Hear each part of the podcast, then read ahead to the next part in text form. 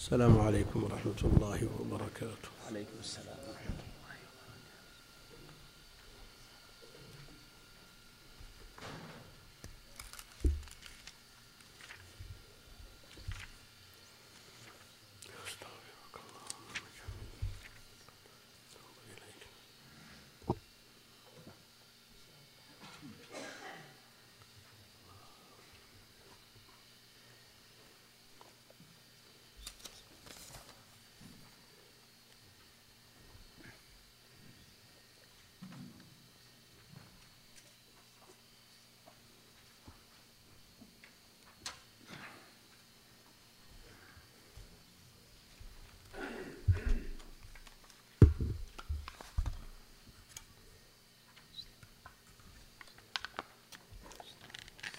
عليكم السلام أبو عبد الله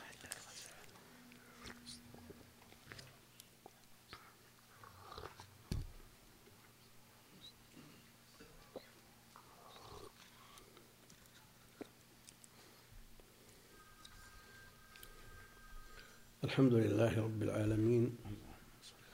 صلى الله وسلم وبارك على عبده ورسوله نبينا محمد وعلى آله وأصحابه أجمعين. أما بعد فيقول المؤلف رحمه الله تعالى وإذا خالعت المرأة في مرض موتها بأكثر من ميراثه منها فالخلع واقع وللورثة أن يرجعوا عليه بالزيادة.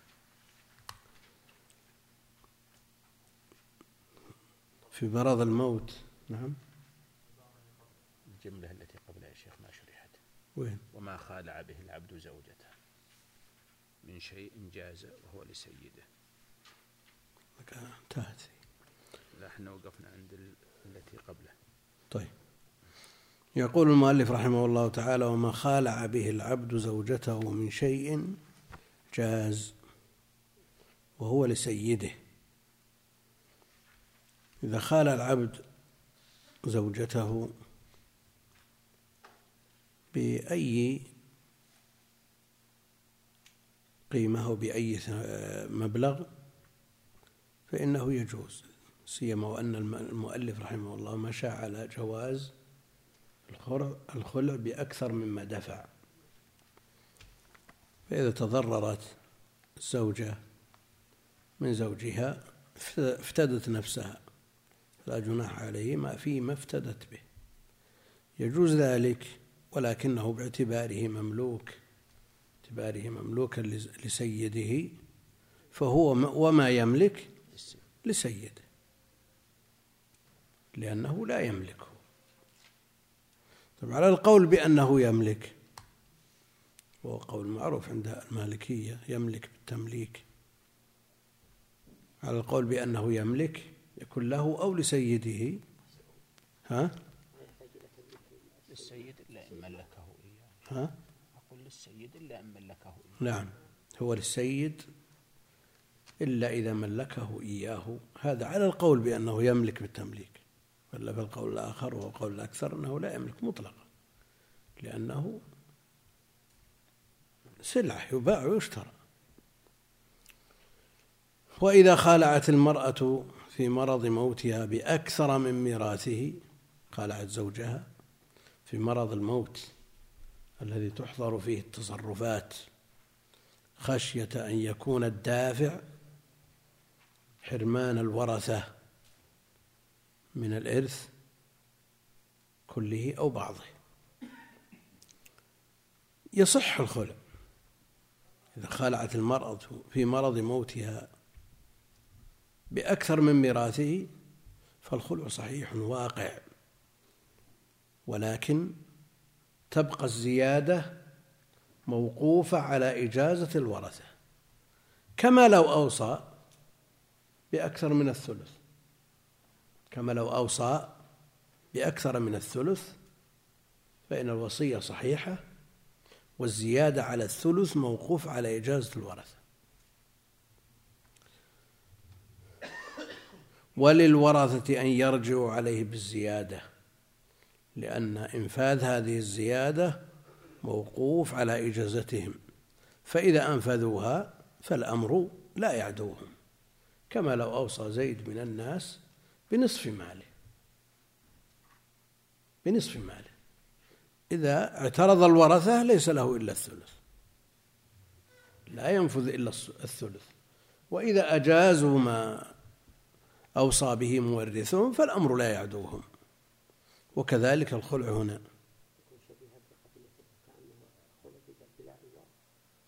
لا. لا. خالع رضي بالفراق.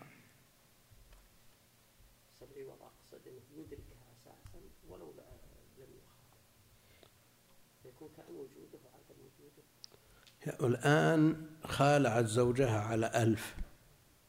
خالعت زوجها على ألف وتركتها ثلاثة ألاف. وليس له من التركة إلا الربع لأن لها أولاد فليس لها إلا سبعمائة وخمسين. لو ليس له إلا سبعمائة وخمسين. إذا اعترض الورثة لا يعطى أكثر منها وإذا وافقوا يأخذ الألف. ولو قدر أنها أنها خال أنه خالعها على ألفين مثلا وتركتها ثلاثة آلاف كما افترضنا. ليس له من الثلاثة إلا سبعمائة وخمسين. لماذا لا يأخذ أكثر؟ المسألة في مرض الموت الذي توقف فيه التصرفات والورثة لهم الرأي في هذا. لأن المسألة مفترضة في أو متوقع ويغلب على الظن أنها تريد حرمانهم مع أنه في هذه الصورة قد يكون الضرر عليها بالغ من الزوج وتريد أن تفتدي نفسها بأي ثمن. لو بجميع ما وراءها مع شفقتها على ورثتها وحياطتها لهم وعدم ودلت القرائن على عدم إرادتها وقصدها لحرمانهم لأنها متضررة ضرر بالغ من هذا الزوج. تريد أن تفتدي. هل نقول يأخذ جميع ما خالعت عليه؟ لأنها معاوضة. لأن الخشية منتفية. الآن السبب في ذلك أنه يخشى لأن المسألة في مرض الموت يخشى أن يكون القصد حرمانهم. أو نقول أن هذا مفروغ منه منتهي وليس لها أن تتصرف بأكثر مما شرعه الله جل وعلا من ميراثه منها. المفروض من الله سواء خالعت أو لم تخالع. وهذا هو المتجه.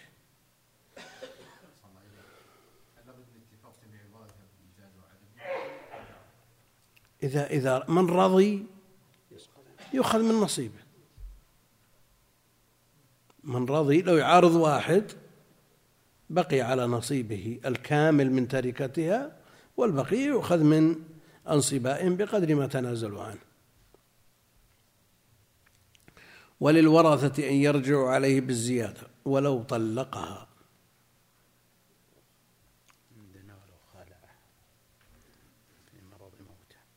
النسخة اللي عندكم ماشي. ولو طلقها في مرض موتها. النسخة الأخرى لو خالعها. المغني وش يقول؟ طيب.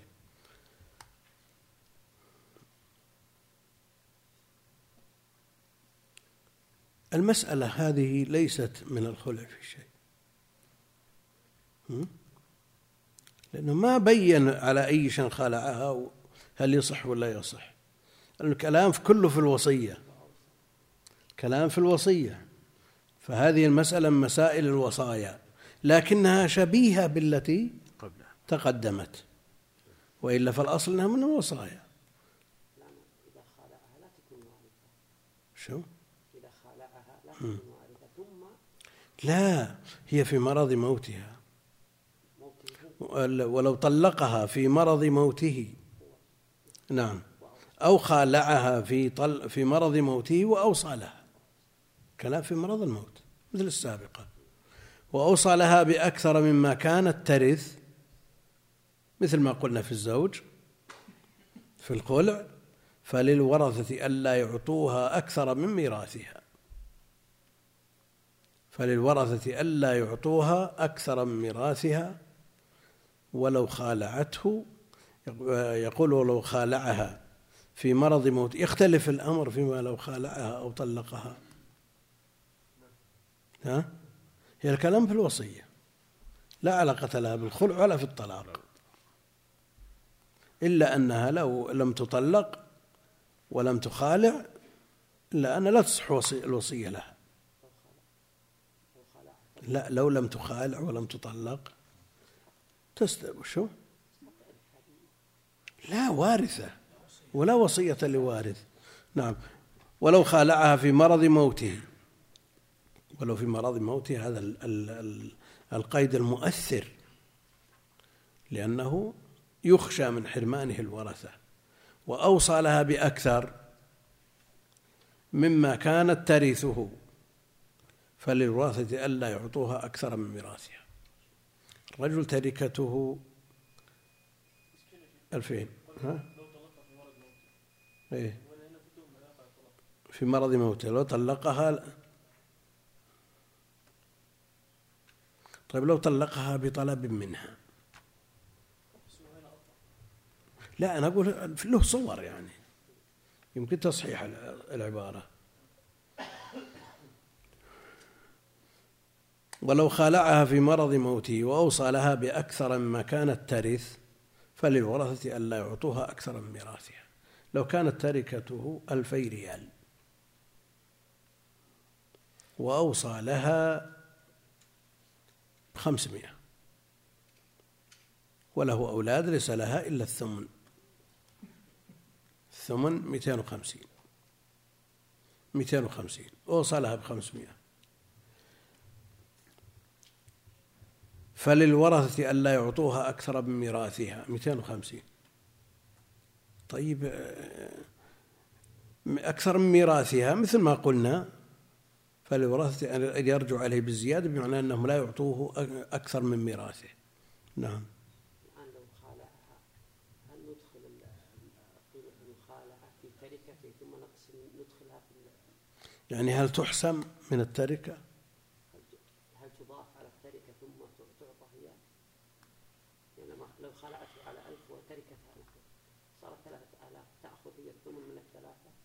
شلون؟ اي يعني دفعت له ألف. أوصى لها. المسألة الثانية.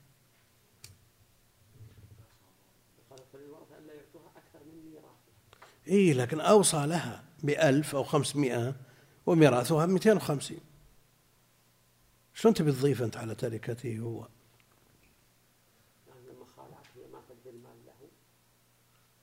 وما تعرضوا لهذا. هي ما هي مسألة مسائل الخلع أصلا. هي مسائل الوصايا. ما ساقها على أنها من مسائل الخلع. ولا دخل لها في الخلع. ولا تعرض للعوض في في الخلع. وأوصى لها بأكثر من ما كانت ترث 250 من الألفين وأوصى لها بخمسمائة. والمسألة مفترضة في مرض موته فيخشى وهذا التصرف لا يصح إلا بإجازة الورثة. نعم.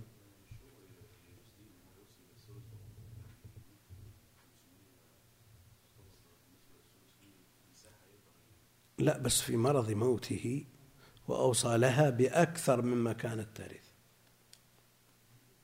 مسألة مفترضة في هل هل نجيز نجيز الطلاق أو لا نجيز في هذه الحالة؟ إذا جزنا الطلاق قلنا إنها ليست من الورثة. نعم فيجوز الوصية بأكثر من الثلث. وإذا ما أجزنا الطلاق في مرض الموت إلا إذا كان بطلب منها إذا كان بطلب منها وهي إذا طلبت في مثل هذه الصورة هي متهمة. إذا طلبت هي متهمة لكي تمضي الوصية التي هي أكثر من حقها من الميراث. في مثل هذه الصورة تعطى الأقل صيانة لحقوق الورثة. أن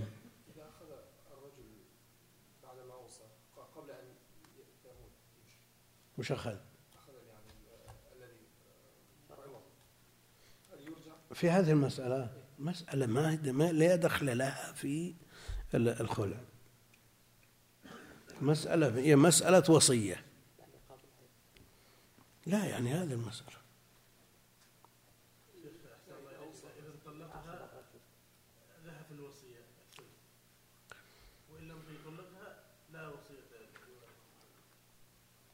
حتى لو طلقها إن كان برغبتها فهي متهمة. لتأخذ ما أوصى به لها أكثر من نصيبها وإن كان بغير طلبها فهو متهم ولا ينفذ طلاقه. هذا في مرض مرض موته المسألة في مرض الموت كلها في مرض الموت. فللورثة ألا يعطوها أكثر من ميراثها ولو خالعته بمحرم. خمر مثلا وهما كافران وقبضته. ثم أسلم أو أحدهما لم يرجع عليها بشيء لأنهم يعتقدانه مال. الكافر يعتقد الخمر مال لكن لو كانا مسلمين لم يصح. لم يصح الخلع لأنه ليس بمال. لكن ولماذا لا نقول أنه كالخلع على غير عوض؟ ها؟ لأنه ليس بمال وكأنه خلع على غير عوض. ها؟ إذا لم تقبضه ثم أسلمت يقول لكن هو أسلم. لا أو أحدهما. لكن كلهما أسلما معا ولم يقبض قيمته. قيمته.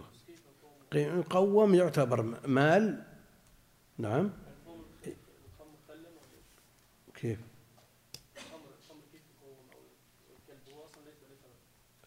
لا هو يتصور أنه مال. عند من يراه مال. وش يسوى؟ وش يسوى عند عند من يستحله؟ نعم. مثل النصارى يسألون عن قيمته وتستحقه سم.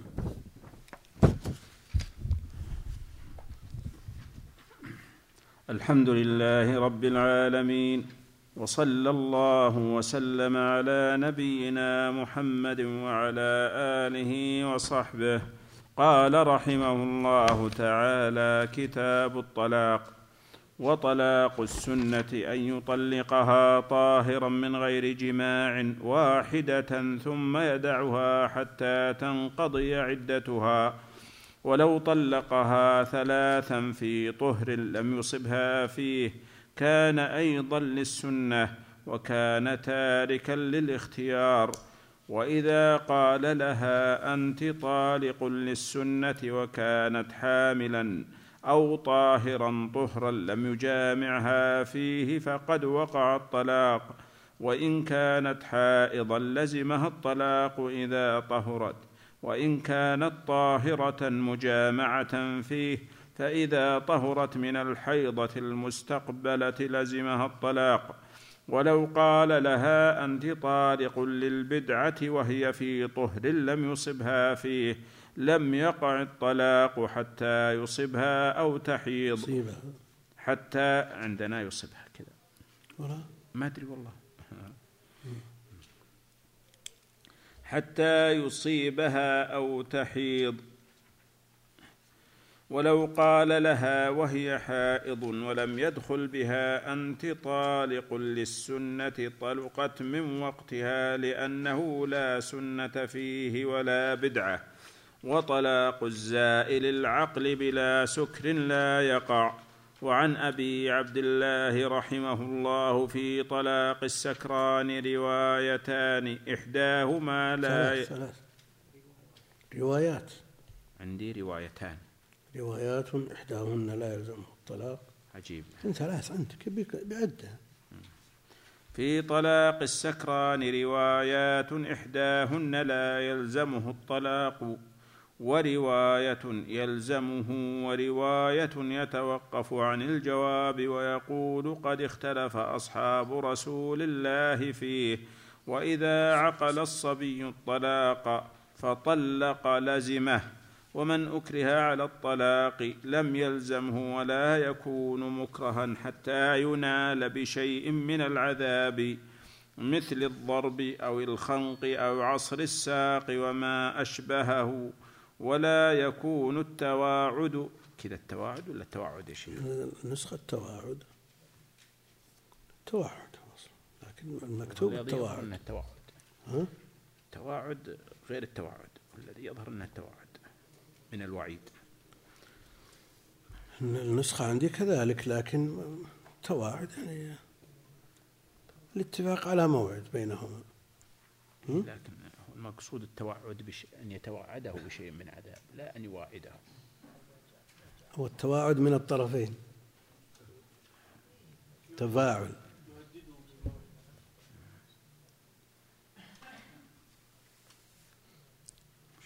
نعم. يا شيخ؟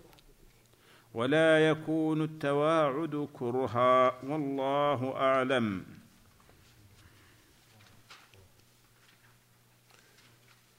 شو المغني تفاعلي من الطرفين. ها؟ مغني. خافقين. هو الأظهر. نعم.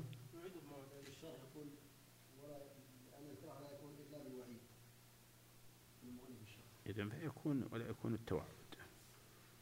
هو المقصود الوعيد. إذا هدده. بأن يلحق بها الضرر. نعم. لا لا مو بهكذا. مقصوده أنه لا يكون الإكراه إلا بالفعل لا بالقول. بس. مهما فعل هو التهديد ما يكفي. اللي هو التوعد ما يكفي التهديد.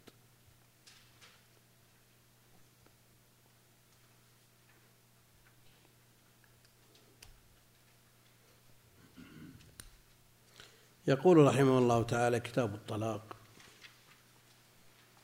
قال رحمه الله طلاق السنة وهي خلاف البدعة. والطلاق حل عقد النكاح وميثاق. وهو مشروع. والمشروعية أعم من أن تكون في حكم من الأحكام الخمسة. لكن له له أصل في الشرع. من الكتاب والسنة وإجماع أهل العلم. وإن تابوا الأحكام الخمسة فيكون مباحا إذا دعت إليه الحاجة ومكروها بدونها ويحرم للضرر ويجب إذا زادت الحاجة وتضررت المرأة وتضرر أحدهما بالبقاء.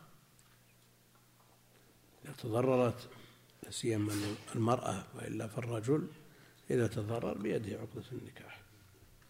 إذا تضررت المرأة وجب الفراق. المقصود أن الأحكام الخمسة كلها متجهة والأدلة عليه من الكتاب والسنة متضافرة وعليه الإجماع.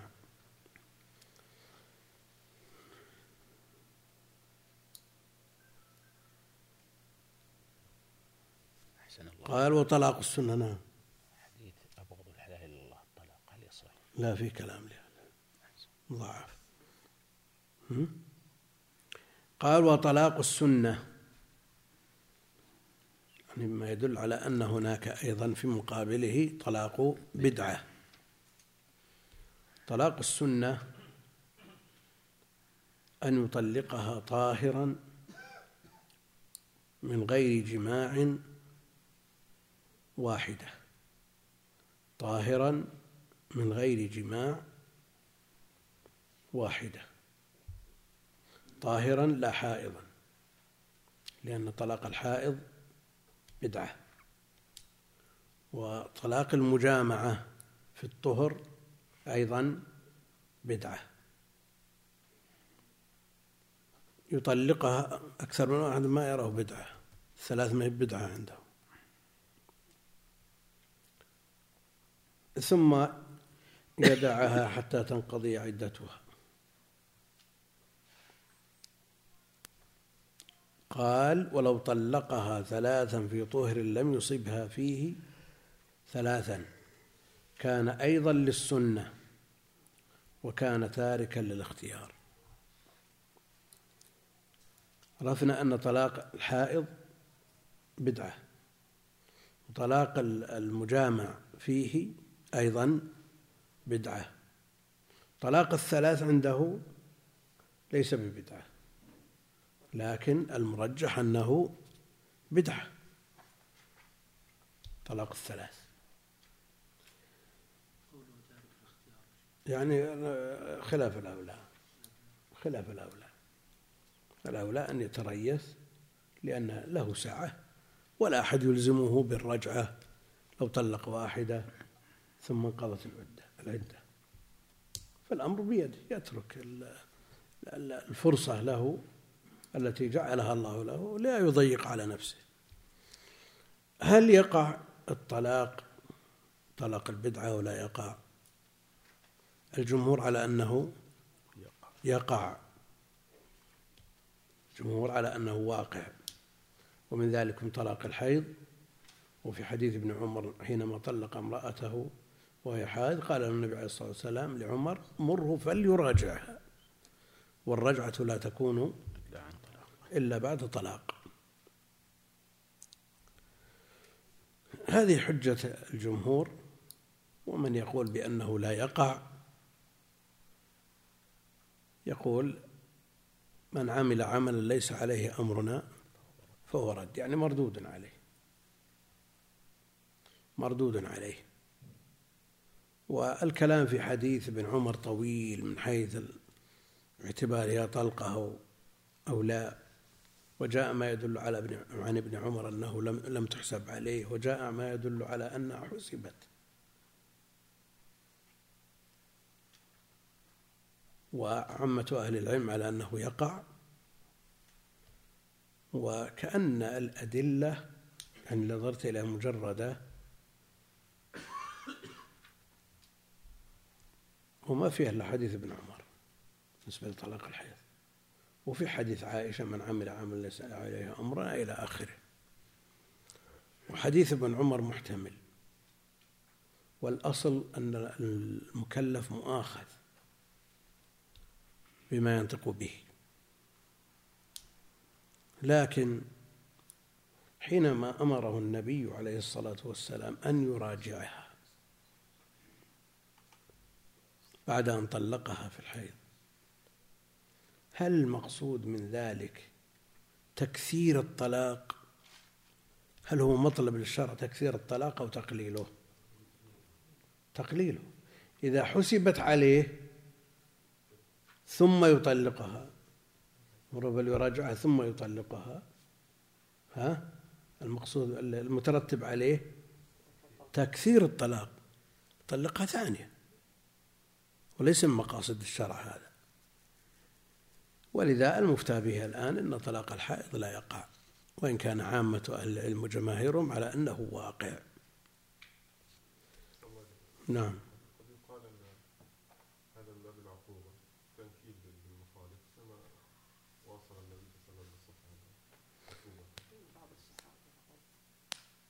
اي لكن من تعاقب تعاقب الزوج ولا الزوجة ولا هو اللي خالف هو اللي يعاقب والمتضرر منه هو ولا المرأة؟ ها؟ ما تدري أنت.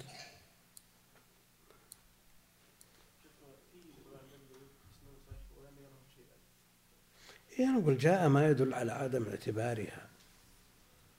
وجاء ما يدل على اعتبارها لكن إذا نظرنا إلى مقاصد الشرع في هذا الباب أنه لا يقصد إلى إلى وقوع الطلاق ولا إلى تكراره. مره فليطلق فليراجعها ثم يطلقها لأن إذا قلنا بوقوع الطلاق أنه تقع طلقة ثانية وقد تكون آخر فرصة.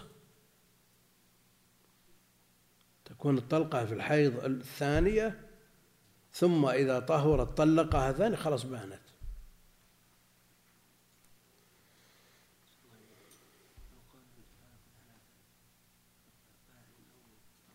هذا كلامه. ولو طلقها ثلاثا في طهر لم يصيبها فيه كان أيضا للسنة وكان تاركا للاختيار. المذهب هو قول جماهير أهل العلم أن الثلاث واقعة. الكلام فيها طويل. كانت الثلاث في عهد رسول الله صلى الله عليه وسلم وأبي بكر صدر من خلافة عمر كانت واحدة. ثم أمضاها عمر رضي الله عنه وأرضاه لما تتابع الناس على التلاعب بحدود الله عقوبة له فالذي يقول طلاق الثلاث لا يقع يستدل بهذا الحديث حديث ابن عباس. وهو صريح. وصحيح في الوقت نفسه. لكن عمر أمضاه وهو خليفة الراشد أمرنا باتباعه ووافقه الصحابة وجرى عليه أهل العلم عبر القرون حتى جاء شيخ الإسلام وأعاد ما كان عليه الأمر رحمه الله. فالمسألة مشكلة.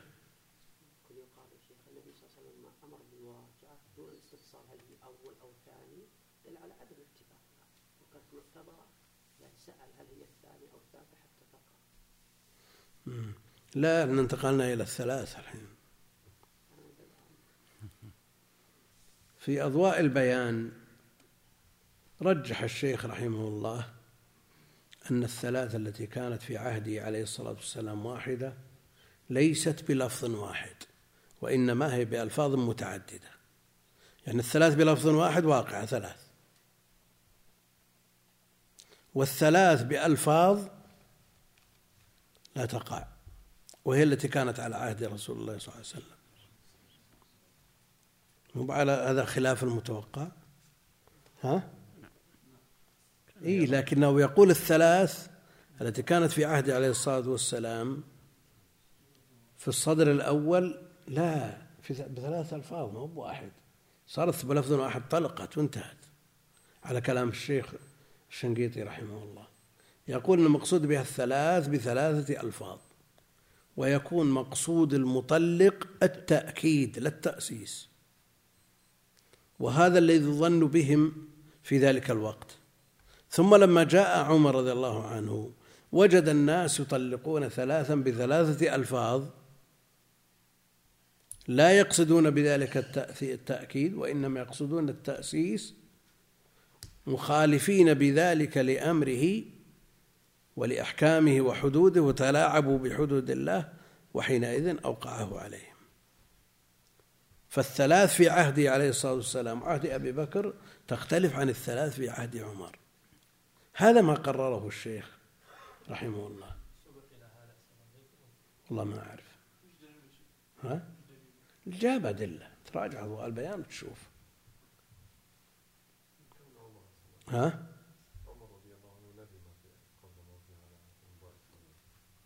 ثبت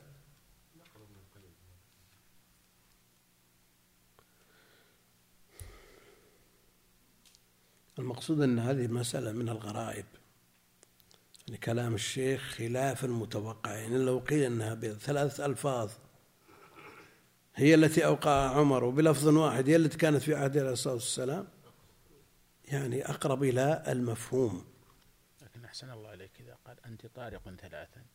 يفهم السامع إنه لا يريد تأكيد الأولى بما معروف. هذا اللي هذا اللي آه، بين منه الشيخ رحمه الله. لكن إذا قال أنت طالق أنت طالق فقد يقصد. هذا قد يقصد التأسيس وقد يقصد التأكيد. والظن بالصدر الأول أنهم لا يقصدون آه، التأسيس. التأسيس. لأنه لا الطلاق الثلاث منهي عنه. المقصود أن عامة أهل العلم يرون الطلاق في الحيض وفي الطهر الذي جامعها فيه ويرون الثلاث وإن كانوا لا يجزونه وإن كانوا لا يجزونه. لكن أحسن الله إليك. لا يقال إن توسع الناس أفتوا بقول عمر. وإذا كان ذلك وإذا كان ذلك من شواذ الوقائع. افتوا بما كان في الصدر الأول. بس ما تنضبط ما يعني. تنضبط الأمور. مثل وضعنا الآن أنصار شيخ يتلاعبون بالطلاق الثلاث هم الآن يبون التجميع في هذا الوقت أولى من التفريق أكثر مما كان في العصور الأولى. نظرا لكثرته ويريدون أن يلموا الأسر مع أولادهم وكذا. هذا من الأهداف التي يفتون بها من أجله إذا كان نادر خلي نادر يمشي. عكس ما لكن أحسن الله إليك. أظن لو شدد لأن عمر وش اللي وش اللي دعاه على إيقاعه؟ إلا كثرة وقوعه في عصره وتلاعب الناس بحدود الله وأحكامه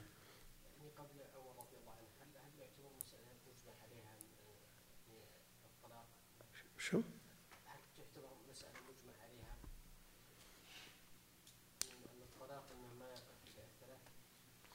ما دام في عهده عليه الصلاة والسلام من بيخالفه ها؟ ولا ذكر مخالف لأبي بكر. وكان يجعلها واحدة كما كان في عهده عليه الصلاة والسلام.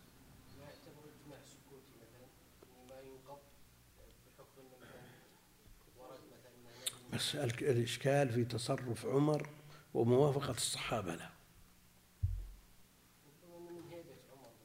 شو؟ من هيبة عمر بن الخطاب مثل ابن عباس يعني في مسألة يقول ما تكلمت هيبة لعمر إيه لكن فيه كبار في عثمان وفي علي وفي كبار الصحابة. ولن ورجعوا يوم توفي. والأئمة الأربعة وأتباعهم عبر القرون. كلهم يهابون عمر. ها؟ مسألة من معضلة ترى ما هي سهلة. تحتاج إلى شجاعة.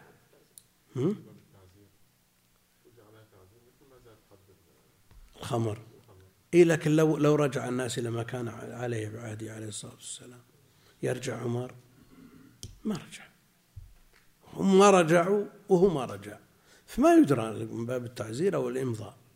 هو لا شك أن أن التعزير يشم. لأنه لما كثر الطلاق وتلاعبوا بحدود الله أمضاه عليهم. إيه؟ ها؟ لا. كان له زود.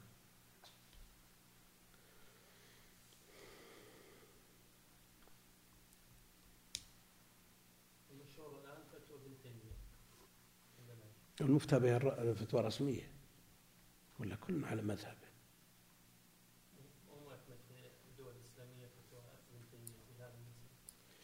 يعني في قوانين الأحوال الشخصية عندهم مذهب أبي حنيفة ماشي.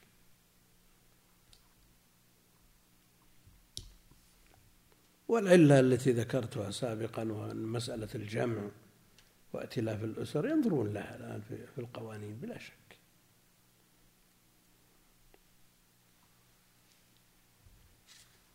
وإذا قال لها أنت طالق للسنة. إذا قال لها أنت طالق للسنة وكانت حاملا. الحامل ما في شك أن طلاقها طلاق سنة. وتنتهي عدتها بوضع الحمل.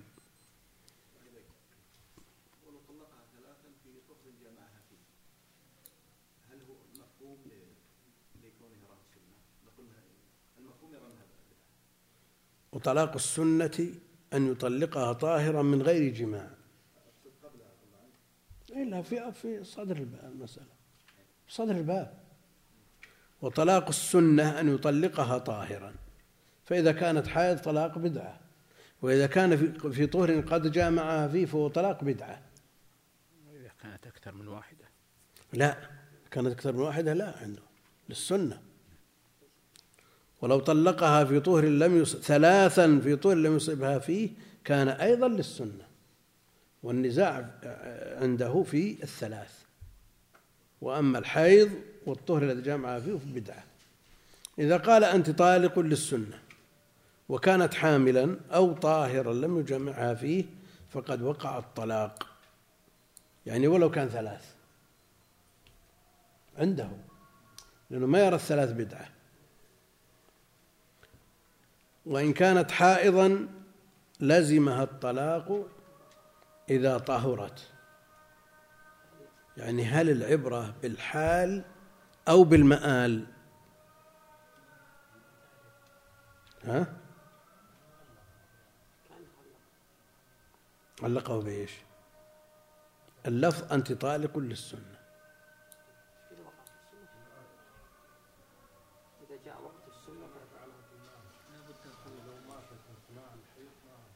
شو؟ ما ما ما ثبت الطلاق لم يقع. يعني العبرة بالمآل. يعني رجع إلى ما يدل عليه الدليل الصحيح. اجتهاد اجتهاد. اجتهاد من عمر رضي الله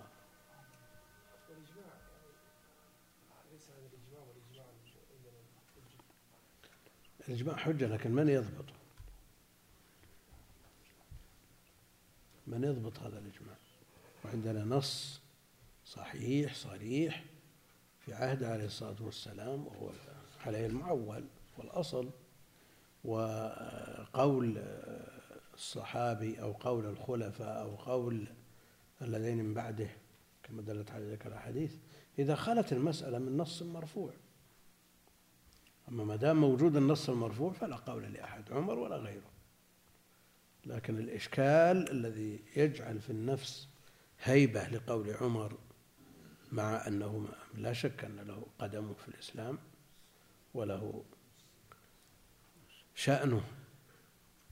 كما دلت على ذلك النصوص أيضا موافقة الصحابة وعمل الأئمة قاطبة مع أتباعهم عبر قرون متوالية. ولذلك الشرقاوي في شرح التجريد يقول وانتصر ابن القيم لشيخه ابن تيمية التابع للروافض والخوارج. ها؟ في هذه المسألة. ما يستوعب يعني كيف الأئمة كلهم وأتباعهم من ابن تيمية ومن أصله يعني ما هو مقبول عنده. نعم؟ ما هو مقبول عنده. للاختلاف المعروف الخلاف المعروف في العقيدة. يجعله يجعل يقول مثل هذا الكلام.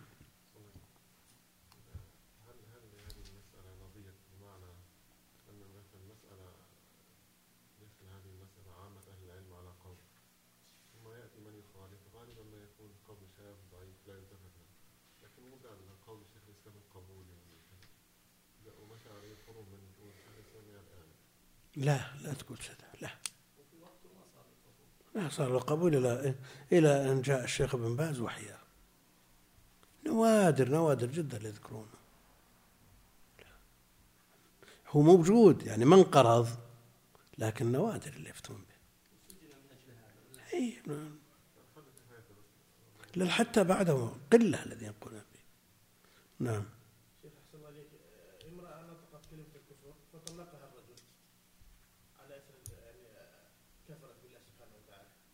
فما نعرف الحالة يعني هل هي بانت منه في داعي يطلقها ولا الإسلام فرق بينهم ولا هي ارتدت ولا إيش؟ إذا طلقها خلاص ولها وله أن يرجع إليها في عدتها لأنه ما يفرق بينهما إلا إذا انتهت العدة. إذا إذا إذا إذا كفر أحدهما. فالتفريق بينهما بمجرد الكفر إذا انتهت العدة. والطلاق أيضا إذا انتهت العدة فيراجعها ما دامت في العدة. إن رجعت إلى الإسلام في عدتها له أن يراجعها. ما لم تكن آخر ما لم تكن آخر طلقة تحسب عليه طلقة؟ شيخ هي حصلت. فقالوا لا هي رجعت هي ما عقد جديد. لأنه طلقها بعدها طلقة ثانية وكان قبل مطلقها طلقة. إيه بقي له فرصة.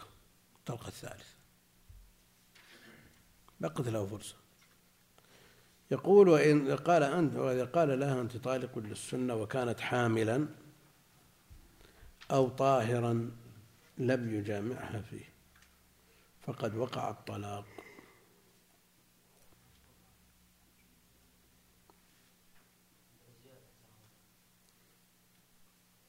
وش وش أو طاهرا إيه مضبوط لكن واضح يعني.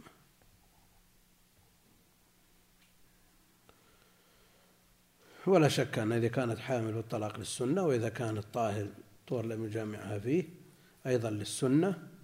يقول فقد وقع الطلاق. لو إذا قيل بلفظ آه، ما طلقة واحدة بعد ضيفت كما هو معروف عند أهل العلم أن طلقة الثلاث في حيز البدعة لا في حيز السنة خلافا لما اختاره المؤلف. وإن كانت حا- حائضا لزمها الطلاق إذا طهرت باعتبار المآل. هم ماشيين على هذا إيه. ما عندهم مشكلة. لكن الكلام إذا قال للسنة فهو قاصد أن لا يقع بدعة. فينتظر حتى يأتي وقت السنة. فالعبرة حينئذ بالمآل لا بالحال. المقرر عند أهل العلم أن العبرة بالحال ولا بالمآل؟ بالحال. كما هو معروف. لكن يخرج عن هذه القاعدة مسائل ولعل هذه منها لا سيما عنده. وإن كانت طاهرة مجامعة فيه يعني طهرا جومعت فيه فإذا طهرت من الحيضة المستقبلة. يعني إذا جاء وقت السنة ينتظر حتى يجيء وقت السنة فتطلق لزمها الطلاق. ولو قال لها أنت طال لو قلنا أن العبرة بالحال. فإذا قال أنت طاهر طالق للسنة ووجدت حائض ما يقع. وكذلك إذا جامعها فيه. هم؟ أيهم.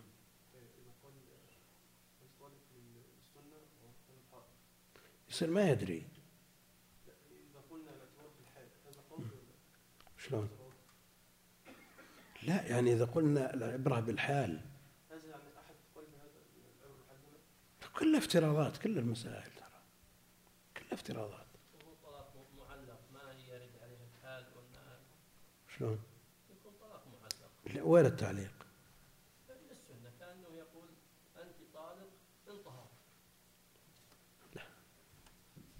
لا. ما في ما يشعر بالتعليق.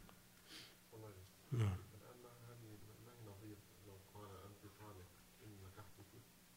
قالوا هذا ما يقع لأنه وصلنا ليس وقع في غير محل هي ليست زوجة وقلنا العبرة بالحال بالمآل قلنا إذا نكحها طلقت هذا قريب منه لا هو المقرر في القاعدة أن العبرة بالحال لا بالمآل. فأنت طالق للسنة يعني أنا لا أريد أن أقع في بدعة وهو في الحقيقة واقع في بدعة إذا طلقها وهي حائض. إذا كان هذا الكلام وهي حائض.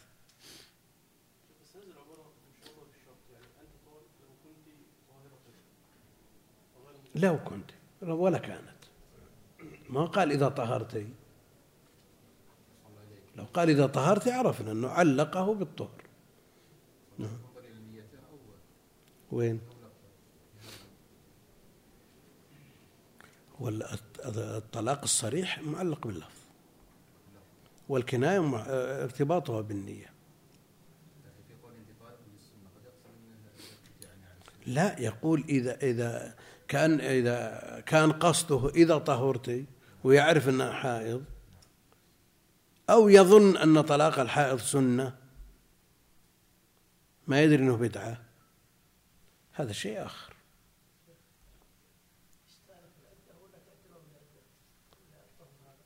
لا لا لا.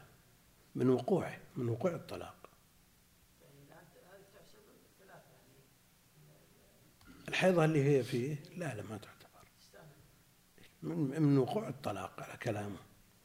يقول لزمها الطلاق إذا طهرت وإن كانت طاهرة مجامعة فيه فإذا طهرت من الحيضة المستقبلة لزمها الطلاق. لا من وقوعه العدة من وقوع الطلاق.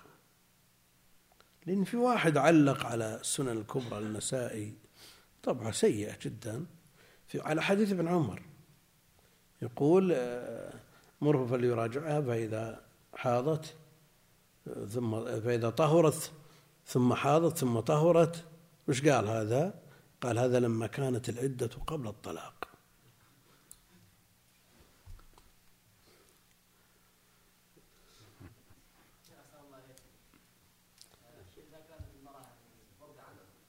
ها؟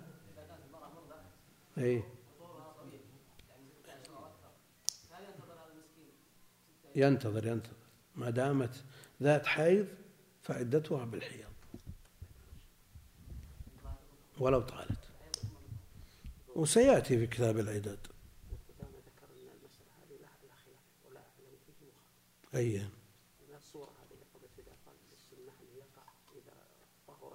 يعني في وقت السنة.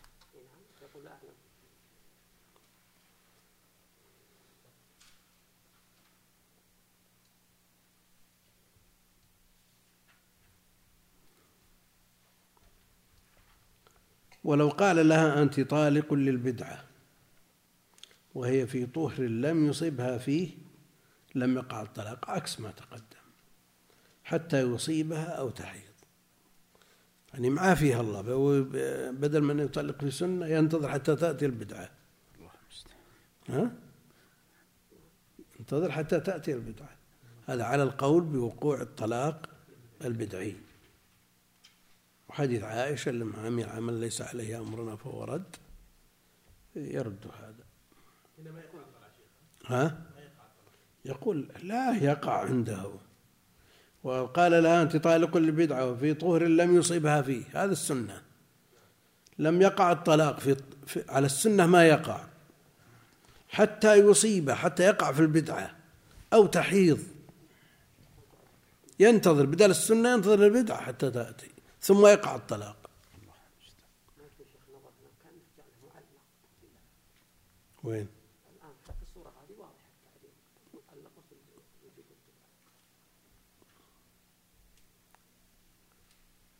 كل المسألة الأولى والثانية كلها تعليق. هو ماشي على أنها تعليق. كأنه إذا قال إذا طهرتي فأنت طالق. أو إذا حفظتي فأنت طالق. لا ما اعتبر هذا كله.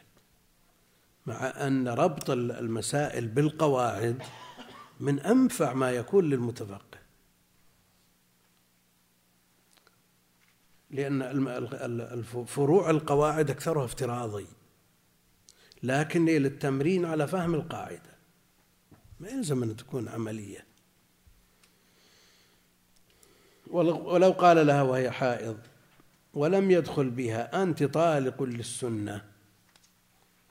تنتظر ولا في الحال؟ يقول طلقت من وقتها لأنه لا سنة فيها ولا بدعة. لا سنة فيها ولا بدعة. لأن الملاحظ في الطلاق البدعي أنه لا في من أجل تطويل العدة. الملاحظ فيه أنه منع من أجل تطويل العدة والمطلق قبل الدخول لا عدة عليها فلا بدعة ولا سنة.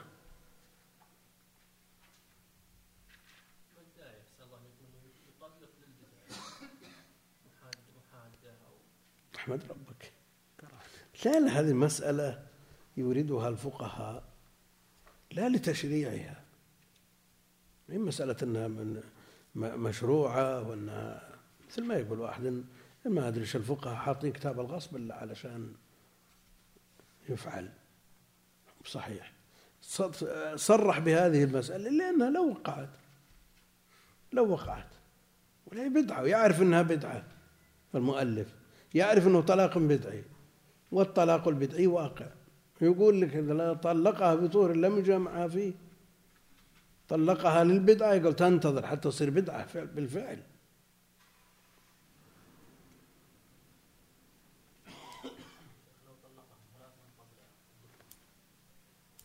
كل واحد ثلاث والواحد.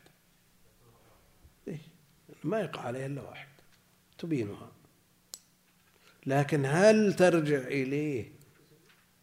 بنكاح بعد أن تنكح زوجا غيره أو نقول بانت بواحدة والباقي لغو كما لو طلق زوجته خمسا يقع عليها ثلاث والباقي لغو المسألة خلافية لعل الله يسره ولو قال لها وهي حائض ولم يدخل بها أنت طالق للسنة. طلقت من وقتها لأنه لا سنة فيها ولا بدعة وقلنا أن السبب أن الطلاق الممنوع خشية تطويل العدة ولا تطويل ولا عدة عليها أصلا وين؟ أين؟ غير المدخول بها أين أين أين ولو قال له يا حائض أصل ما فيه هي المنع من أجل تطويل العدة وهي لا عدة عليها أصلا. أي قال وطلاق الزائل العقلي وطلاق الزائل العقلي بلا سكر طلاق الزائل العقلي. إعراب شو؟ لا. بلا سكر. نعم. النائم والمجنون والمغمى عليه. نعم. الإعراب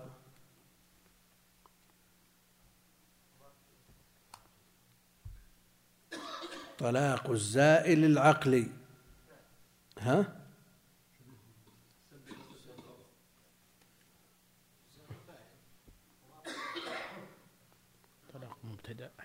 الإخوان اللي ما هو متأكد يستتر بستر الله عليه. لأني سمعت كلاما والله ما يليق.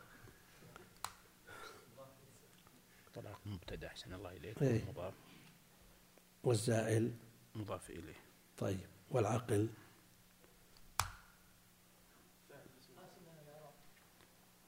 لا. الزائل مضاف والعقل مضاف إليه. الما تظهر لأنها إضافة لفظية. ووصل ال بذا المضاف مغتفر إن وصلت بالثاني كالجعد الشعار. جعد الشعر وطلاق الزائل العقل بلا سكر.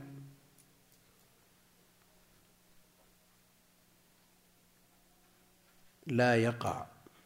يعني بجنون أو نوم أو إغماء أو بنج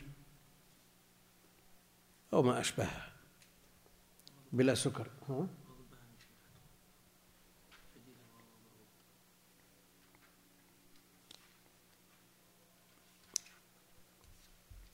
معروف أن طلاق الغضبان لو وصل مرحلة لا يعقل ما يقول دخل فيها.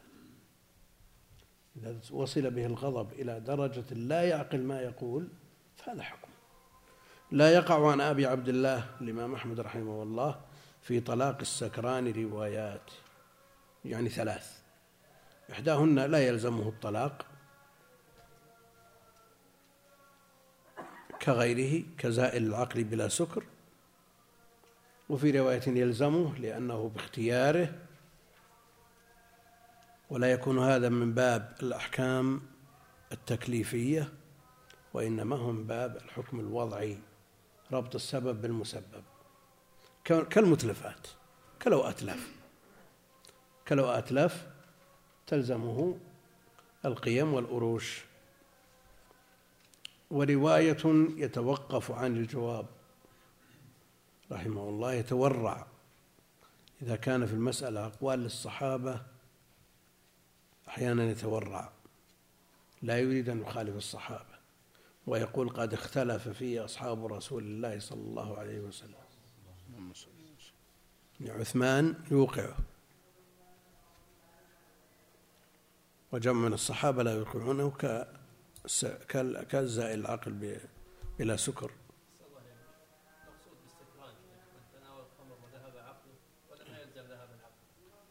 لا إذا ما ذهب عقله مكلف. لا لا. إذا ما ذهب عقله يقع طلاقه إجماع.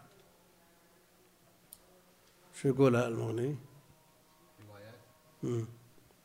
قال رحمه الله تعالى أما التوقف عن الجواب فليس بقول في المسألة إنما هو ترك للقول فيها وتوقف عنها لتعارض الأدلة فيها وإشكال دليلها ويبقى في المسألة روايتان إحداهما يقع طلاقه اشتهرها بوقت صلات لا لا القاء التوقف يحسبونه في الأقوال.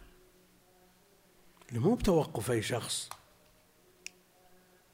توقف عند تساوي الأدلة عند المجتهد ينسب إليه. وفي المسألة ثلاثة أقوال ثالثها التوقف. كثيرا ما يقولون هذا. نعم لا ينسب لساكت قول لكن المجتهد الذي لا يوجد ما يمنعه من القول بطرفه المسألة ثم يتوقف دليل على أن هذا رأيه نعم. لا ويحسبون ثالثها التوقف. دائما يقولون هذا. قال ويبقى في المسألة روايتان إحداهما يقع طلاقه اختارها أبو بكر الخلال والقاضي ومذهب سعيد بن المسيب وعطاء ومجاهد والحسن بن سيرين والشعبي والنخعي وميمون بن مهران والحكم ومالك والثوري والأوزاعي والشافعي في أحد قوليه وابن شبرمة وأبي حنيفة وصاحبيه وسليمان بن حرب بقول النبي صلى الله عليه وسلم كل الطلاق جائز إلا طلاق المعتوه ومثل هذا عن علي ومعاوية من من رواه.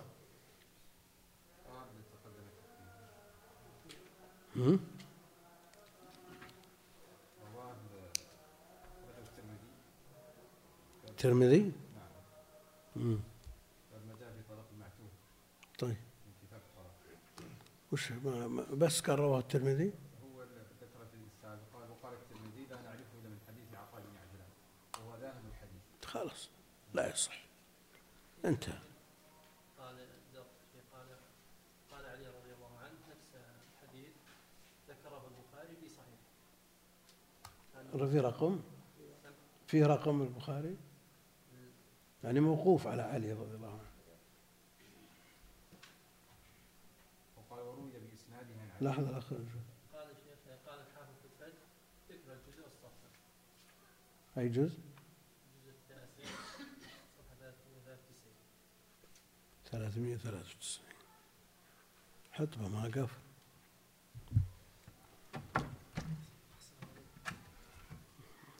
نقف على طلاق السكران قال أي علقه بالفتح.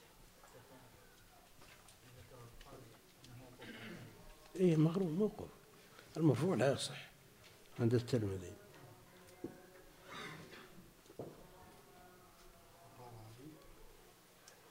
هم؟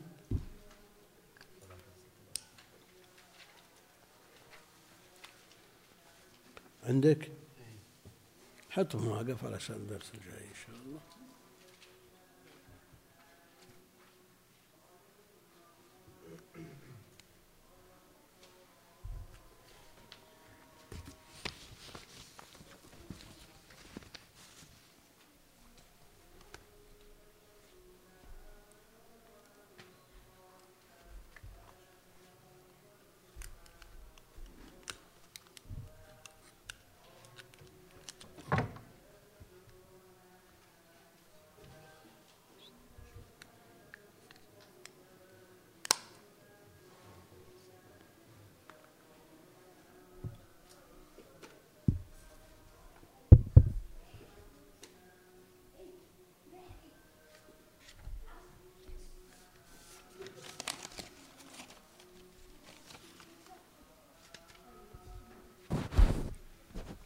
خلوا معي ذا